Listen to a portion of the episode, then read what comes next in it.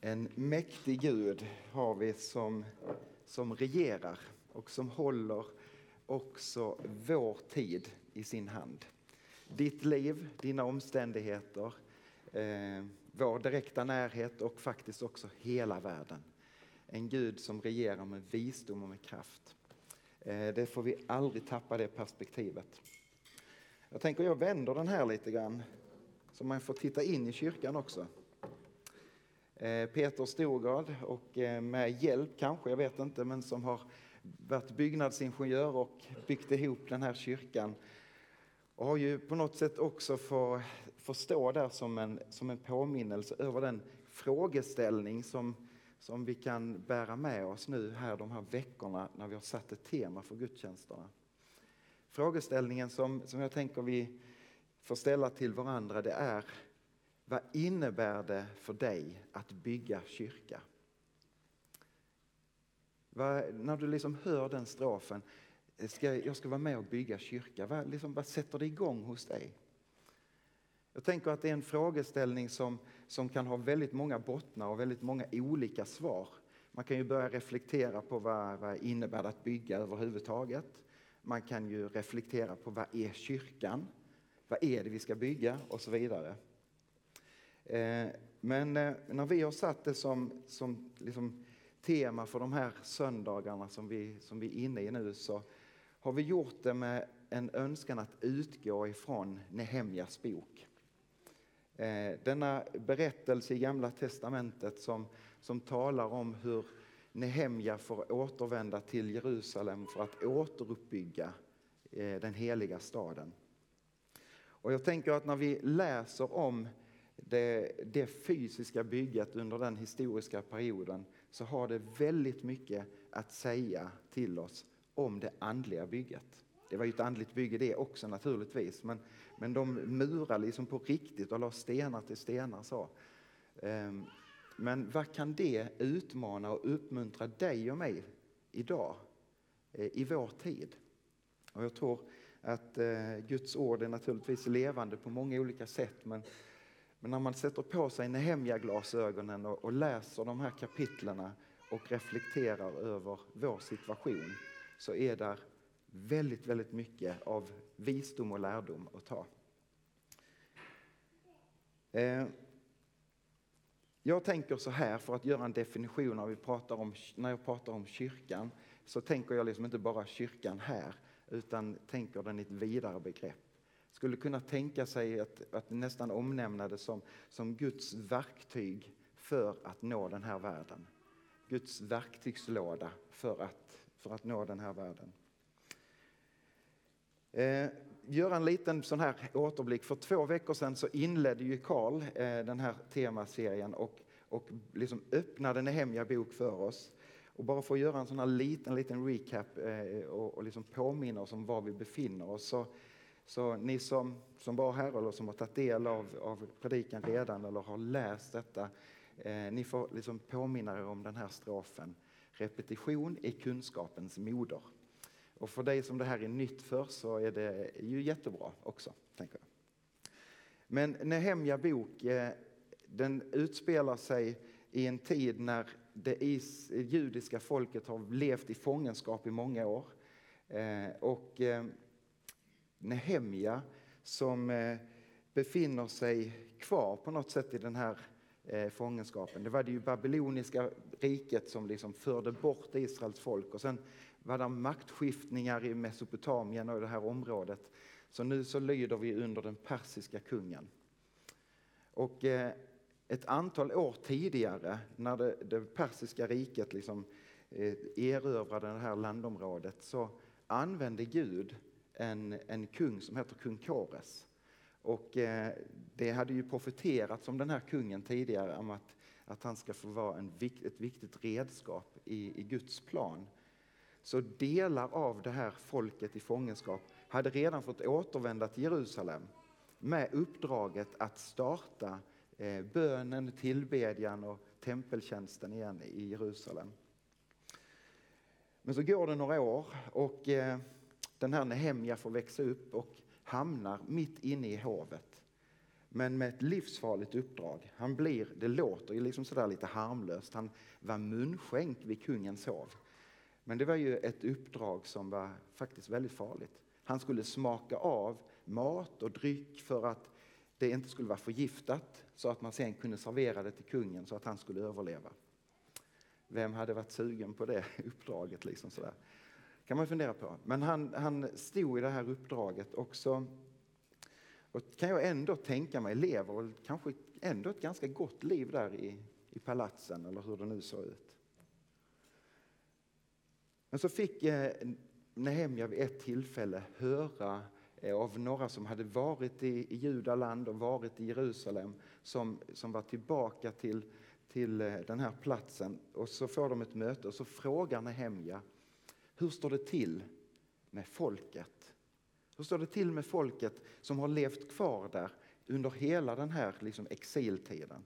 Hur står det till med det folket som hade fått återvända tillbaka? Och hur står det till med Jerusalem? Och så får han svaret till sig. Det står riktigt illa till med folket. Det står riktigt illa till med staden. Murarna är raserade, stadsportarna är nerbrända och staden ligger oskyddad. Då händer någonting i Nehemjas hjärta. Han börjar gråta häftigt. Och så står det att han gråter och sörjer i flera, flera dagar. Men den här sorgen, den leder honom till någonting som är oerhört viktigt. Nämligen att han börjar söka Gud i bön och fasta. Så börjar han fasta och be och någonting börjar ske. När vi får be och fasta så är det någonting som börjar hända. För Nehemja så var det så att han eh, vid ett tillfälle när han kommer in till kungen ser sorgsen ut och eh, kungen frågar vad är det? Eh, och så får Nehemja med rädsla dela det som ligger på hans hjärta, nöden för sitt folk och nöden för den heliga staden och för, för Guds liksom plats eh, mitt ibland dem. Och det får till följd att kungen ger honom ett uppdrag. Återvänd till Jerusalem. Bygg upp murarna på nytt. Och han skrev liksom ett jättefint dokument som han rullade ihop och plockade med sig som sa att jag har kungens uppdrag att göra detta. Så när han kommer ner till de här landsändarna och ståthållarna där liksom får möta honom. Vem är du och vad ska du göra här? Så kan han liksom rulla upp och säga bam, kungen, eh, det är han som har sagt att så ni ska bistå med liksom eh, kraft och så här. Stannar vi bara berättelsen där så har detta någonting att säga oss i vår tid. För jag tänker lite så här, lever vi med den frågan, hur står det till i vårt land idag? Hur står det till med människor idag? Och jag menar, vi lever i ett globalt, eh, en global värld så att vi kan ju ställa den liksom, och, och höra om hemskheter över hela vårt jordklot. Och det är på något sätt inte möjligt för oss att ta in allt. För, för det är någonting i oss som går sönder. Vi, det känns som att vi klarar inte av att bära det. Men vi kan ställa oss frågan också i vår direkta närhet. Hur står det till med människor? I Ängelholm i Sverige. Och hur står det till i vårt land? Och när vi liksom stannar upp för den frågan och vi kanske börjar, vi lever mitt i en fantastisk välfärd men det är mängder av människor som mår så extremt dåligt. Och man kan fundera på hur murarna är byggda i vårt land utifrån ett andligt och utifrån ett Guds perspektiv. Hur är det ställt i vårt land? Föder det, som i Nehemjas liv, en sorg? Men så här skulle det inte vara. Det som vi lever mitt i, det är ju inte så som Gud har tänkt. Gud har tänkt det så mycket bättre. Han har ju liksom, han har en god tanke för vårt land för det folket som vi tillhör. Precis som han har för varje land och för varje människa. Och den nöden som Gud tror jag känner, liksom drabbas vi av den? Och vad leder i så fall den reaktionen i mitt och ditt hjärta oss till? Är det så att det leder oss till att börja fasta och be och någonstans önska att någonting annat skulle ske? Jag ställer det som en retorisk fråga till oss alla. Där i alla fall började Karl att lägga en grund för, för den här serien. Och så förra söndagen, jag hade tyvärr inte möjligheten att vara här, men jag fick höra väldigt många goda ord ifrån eh, ungdomarna hade ju satt ihop gudstjänsten och gestaltade den egentligen utifrån ett kapitel i Nehemjas bok. Så jag tror inte de läste den, för det här kapitlet är fruktansvärt tråkigt. Får man säga så om Guds ord? Kapitel 3 i Nehemja bok, det är som att man springer och snubblar över en gammal telefonkatalog från 80-talet om man börjar läsa den. Det är bara radda namn. oh, den byggde där och den byggde där och den byggde där och den byggde där. Men ungdomarna fångar något fantastiskt som jag förstod det. De hade liksom anat att ja, det här handlar ju inte bara om en generation. Och så gestaltades det förra söndagen att det var tre personer från, från tre olika generationer som fick predika eller, eller tala. Och de hade fångat detta som också står i det här fantastiska kapitel 3 i Nehemja. Det är så lätt vi hoppar över det, men det är ett fantastiskt kapitel. Och där är några ord som är inflikade mellan de här olika namnen som står där. Nämligen, nu kommer jag inte, jag bara säger några namn. Sandbritt, nej inte Sandbritt. Ja, ja. Det, det, var en massa namn i alla fall. Och så står det mellan, in till den personen byggde denna. Och bredvid den personen byggde denna. Och in till den personen byggde denna. De hade fått sin del tilldelad. Här ska du bygga. Detta är ditt ansvar. Och detta att stå sida vid sida, axel vid axel. Att inse att vi är levande stenar i ett heligt tempelbygge. Var för sig så blir vi liksom en liten sten, men när vi får komma samman så blir det en fantastisk helhet. Och det talar Nehemja bok om. Vikten av att, att inse att jag ingår i något större. Så telefonkatalogen är en riktigt bra bok också. Faktiskt. För där står ju alla namnen i stan. Det är de människorna det handlar om. Ja, det var en liten passus. Vi använder ju inte, det är ju synd att inte den finns längre. Fortsätter vi sen läsa i Nehemja bok så, så kommer vi fram till den delen som jag tänker bara få stanna upp och reflektera lite vidare över idag. Det är nämligen det som, som Nehemja och folket får möta, som någonstans gudsfolket alltid har fått möta när det är någonting på gång. När det, är liksom, när det rör sig i Guds rike så, så är det någonting som drabbar gudsfolket, nämligen motstånd. Och det här motståndet det får sig lite olika uttryck. Eh, vi kan slå, slår vi upp, eller det kommer ju på väggen här så ni behöver inte slå upp, men Nehemja 4 eh, och de första verserna där. Det här är ju under några kapitel så vi läser inte alltihopa, men, men detta drabbar folket.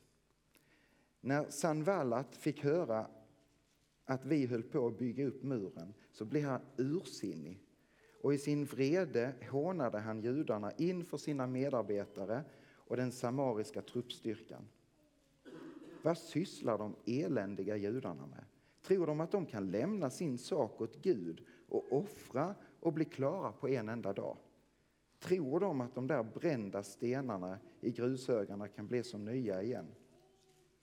Ammoniten Tobia som stod bredvid honom fortsatte. Låt dem bygga, deras stenmur kommer att ra eller rasar nog. Bara en räv skuttar upp på den. Eh, det här var lite känsligt. Förra torsdagen när vi satt här och bad på bönemorgonen så eh, kom det en räv gåendes precis utanför här, kom jag att tänka på nu. Eh, så det var lite märkligt men det kanske ville säga någonting. Här får vi höra att två av de ståthållarna som finns lite norr om Jerusalem, i Samarien och på andra sidan Jordanfloden, eh, Sanvallat och eh, Tobia, de på något sätt känner sig hotade när den här okända mannen kommer med ett brev ifrån, från kungen och säger nu ska jag förbättra situationen för det israeliska folket. Jag ska bygga upp Jerusalem igen och de börjar känna sig hotade. Och vad händer då? Jo, de börjar med en första våg av motstånd.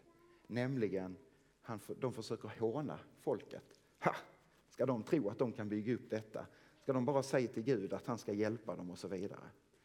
Och så kommer det en röst som försöker slå undan benen på folket. Fortsätter vi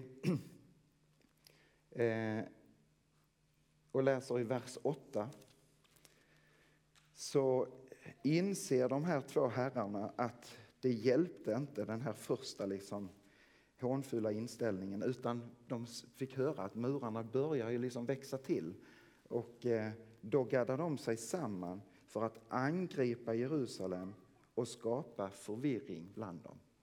Då börjar de liksom sätta planer i verket. Vi ska gå till liksom fysiskt angrepp och liksom slå ner dem.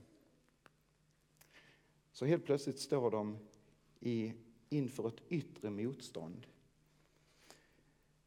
Och det här vet jag inte, jag kan inte, man kan inte göra teologi av detta och säga att så här är det alltid, men det, det verkar som ändå att det är någonting när den förföljda kyrkan utsätts, eller när kyrkan för, liksom utsätts för förföljelse eller svåra perioder, så är det som att den, den växer mer. Man säger ibland att martyrernas blod är kyrkans utsäde. Det har varit så i historien. Vi kan se när vi läser om det, det judiska folket när de var i fångenskapen i Egypten till exempel. När trycket ökade mot dem så förökade de sig och blev ännu fler. Och så kan vi se genom kyrkohistorien att, att när det har varit tuffa perioder så är det som att kyrkan växer. Varför är det så? I Nehemjas bok så kan vi ana att det här liksom yttre motståndet det gaddar ihop folket och säger nej minsann. Vi hugger tag om Guds löften. Gud har ju talat om detta. Låt oss fortsätta att bygga. Låt oss inte ge upp. Och så sätter de ut spejare på muren för att liksom kolla, så kommer de? Eh, är det någon fara och färde? Och så rustar Nehemja folket som ska bygga med murslev i ena handen och ett svärd i sidan eller ett spjut i handen. När jag tänker det här svärdet och mursleven så tänker jag med strofen bön och arbete. Bön och arbete. De hänger samman. Fortsätter vi läsa så kommer någonting som är kanske ännu mer förrädiskt för gudsfolket. Det är när det inre motståndet börjar komma.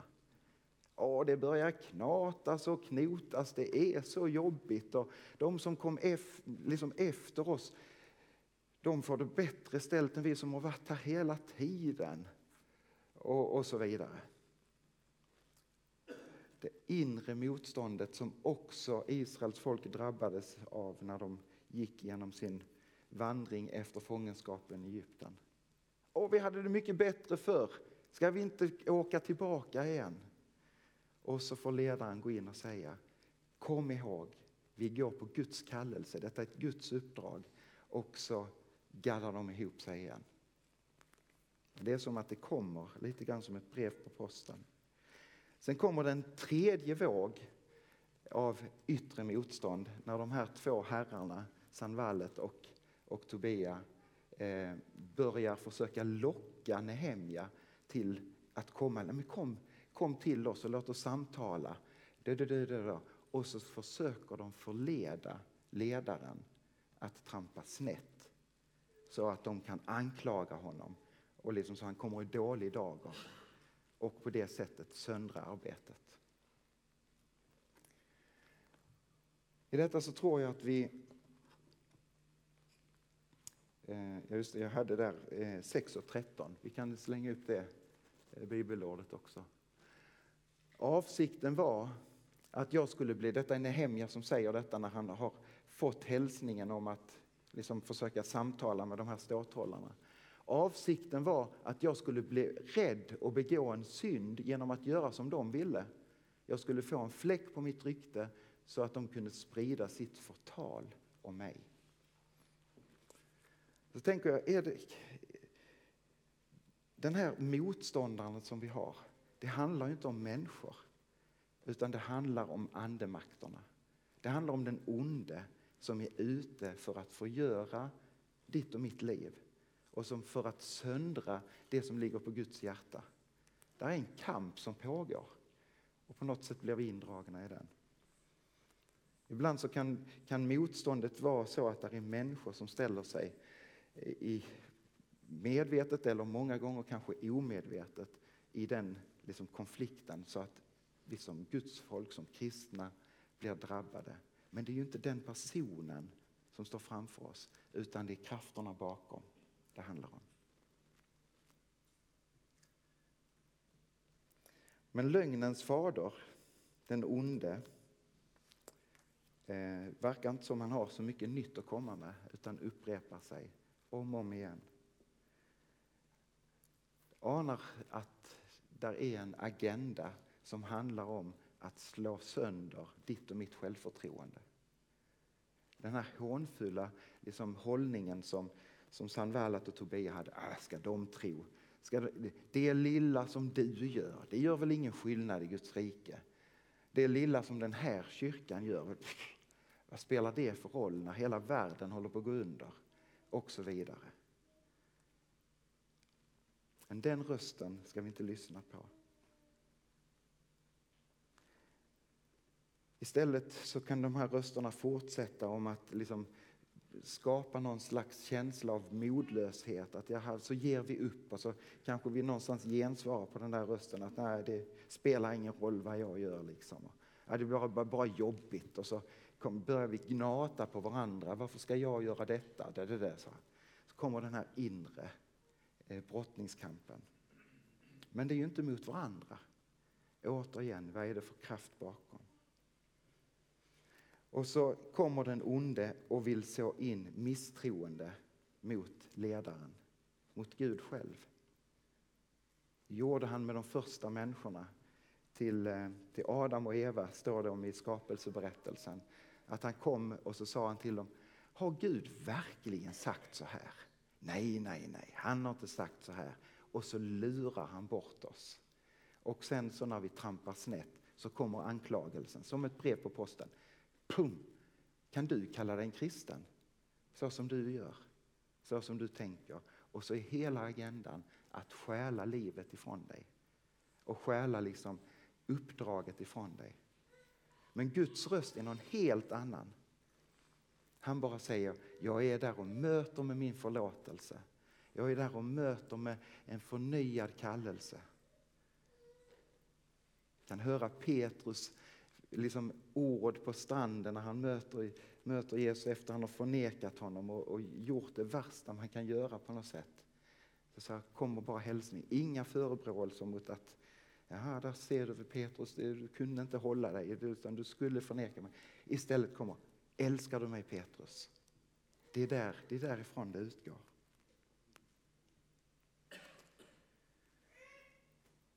Nej, se inte ner på ditt liv.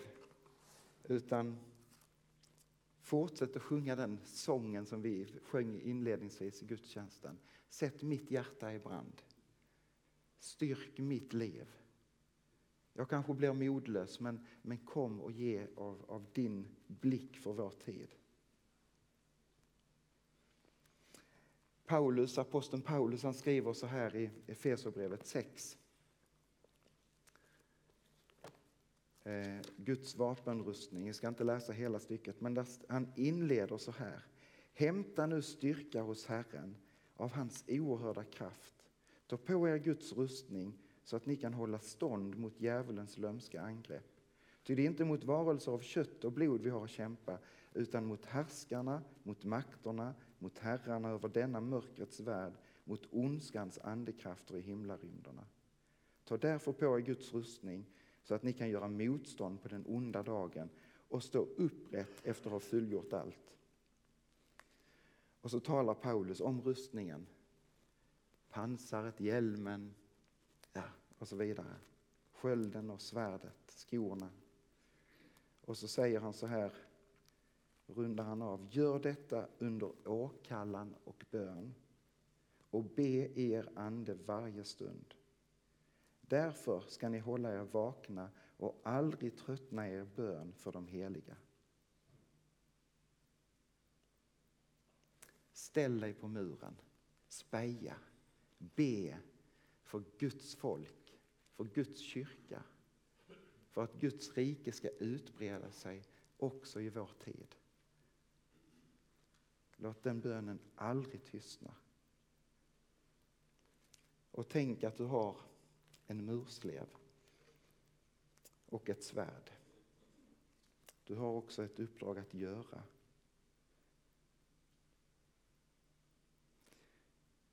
När vi satt här i torsdag så, eh, så eh, Pia, kan inte du komma fram och där ligger en liten mick där. Så, så delade eh, PA en, en fantastisk liten berättelse från, från en, en man. Eh, jag kommer inte ihåg hans namn för han var ju fransman. Kommer du ihåg vad han hette? Cheval. Ja, berätta lite om den här Ferdinand. Eh, jag tror vi har honom på bild här också. Ska ni se? Han är supermodern. Där. Eh, en postgubbe. Berättelsen börjar faktiskt i Örkelljunga. Ja, det tänkte jag väl. För 20-25 år sedan fick Åsa och jag och eh, några andra lära känna en mycket speciell man ifrån Ängelholm. Stor och kraftig kille, lite mindre än Magnus. Han hette Christer Andersson, han var journalist på NST. Han kom till tro i vår församlingsgemenskap i Örkelljunga, vilket innebar att han var hemma hos oss jämt och ständigt. Han var riktig frankofil, den här mannen. Hade varit väldigt mycket i Frankrike, åkte på semestrar och kunde väldigt mycket om landet, om folket, om maten och vinet och allt detta. Och vid ett tillfälle så började han berätta denna mycket, mycket sällsamma historia om Ferdinand Cheval han föddes 1836, ungefär i mitten av Frankrike någonstans. Eh, 1836, när han var 33 år, började han arbeta som lantbrevbärare. Eh, det innebar att han fick gå en lång, lång runda varje dag. Jag tror det var sex dagar i veckan han fick gå. Den sjunde dagen då utförde han det som blev hans vision på grund av det han sysslade med under arbetsdagen. Därför när han hade gått den här rundan och postväskan började bli tom så började han plocka stenar. Små stenar, lite större stenar och stora stenar. Och de här sakerna gick han och la varje dag på ett speciellt ställe i utkanten av byn där han bodde. Tiden gick, han höll på att plocka stenar i ungefär 25 år. Men under tiden som det här pågick så växte en vision, en dröm fram i hans inre. Vad skulle han göra med de här stenarna? Han försökte samla på sig kunskap om byggande, om arkitektur och alla de här bitarna. Och en dag så var drömmen färdig. Han började bygga vad ska vi kalla det för, ett tempel för de här stenarna. Och han höll på hela sitt liv med att bygga denna mycket, mycket, mycket säregna byggnad som jag tror vi har en bild på. Ja, så sa jag också när jag såg den. Oj! Man kan undra vad, vad det är för någonting. Och jag kan inte riktigt ehm, eh, redogöra för det, utan det här har blivit lite grann en, en fantastisk sak som handlar om kanske dig och mig när det gäller bygga. Vad har vi för tanke? Vad har vi för dröm? Vad har vi för idé? Du har kanske en kommentar till byggnaden, Magnus? Ja, den är ju säregen. Eh, Zoomar man in den här så ser man ju just att den är byggd av de här små stenarna lagda till varandra. Men när vi, när vi samtalar om det så, så någonstans så klack det till i att, ja men åh, vilken fantastisk bild av att se någonting större i det lilla jag gör. Han, han drevs av visionen, men det, det, det är klart han kanske inte såg det i detalj. Men hans uthållighet att plocka en sten varje dag eller små stenar varje dag för att bygga detta. Tänk, kan vi omsätta det i vårt eget liv? Ser inte ner på den där lilla, kanske oansenliga uppgiften eller det oansenliga lilla mötet du liksom står i. Eh, i. Det kan ha en större betydelse. Och så utmanar den här mannen också i att vara uthållig. Fortsätt. Även om inte du ser resultatet. Och jag tänker att där är eh, risken, och det kan också vara ett motstånd vi kan utsättas för. Där är risken att vi vill se resultaten av det som vi liksom gör för Guds rike. Och vi vill gärna se resultatet med stort R. Snabbt ska det gå, ofta i vår tid. Vi kanske aldrig får se resultatet. Men Gud har det. Och han kan lägga ner en vision som, som säger någonting som blir väldigt klart och tydligt om en väckelse i Ängelholm. Att alla människor i Ängelholm, eh, kyrkorna ska vara proppfulla och det byggs nytt i varje rondell och inne i stan. Ja. Och människor går hus och färde för att söka, söka Gud. Helande sker på gatorna. Folk delar bönämnen och liksom vittnesbörd. Vet du vad som hände? Vi bad för en här och detta. Detta är Guds blick för vår tid, tror jag. Vi kanske aldrig får se det. Kanske nästa generation får se det. Men då är det som Gud sa, fortsätt att plocka upp din lilla sten. För den är viktig. Ditt liv är viktigt i det som ligger på Guds hjärta för den här stan. Se aldrig ner på det. Se aldrig ner på det. Utan överräck ditt liv på nytt till Herren. Och säg, här är mitt. Här är mina små möten jag har denna veckan. De kan verka helt ofromma, men jag vill ge dem till dig Gud. Och det där hastiga mötet i, vad det nu är, ett parkeringshus i Helsingborg kanske. Det kan bli ett heligt möte. När vi överlämnar våra liv som helhet till Gud så är det ett otroligt spännande äventyr att få leva. Och så precis som vi sjöng i förbönen innan, det är icke genom någon människas styrka det ska ske, utan genom min ande, säger Herren. Och Saltaren 127, de två första verserna, som också talar om detta. Om inte Herren bygger huset, då är byggarnas möda förgäves.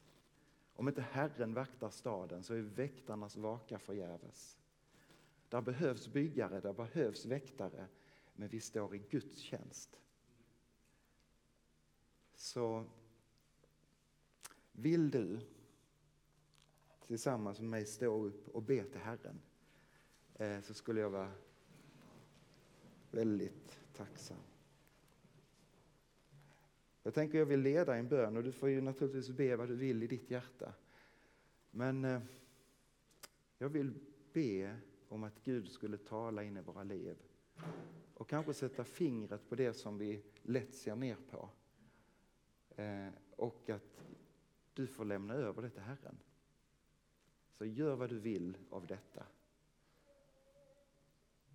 Och att vi får be om nåden att vi i denna församlingen får vara stenar som läggs till sida till sida och gör ett större bygge och att denna kyrkan får vara en liten sten i Guds stora församling, i Guds stora kyrka.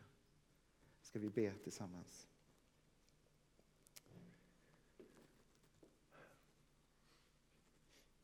Ja, kära himmelske far, vi tackar dig för ditt tålamod med oss. Din oerhörda kärlek till oss, var och en. Jag ber nu heligande tala till oss, tala i våra hjärtan och belys det som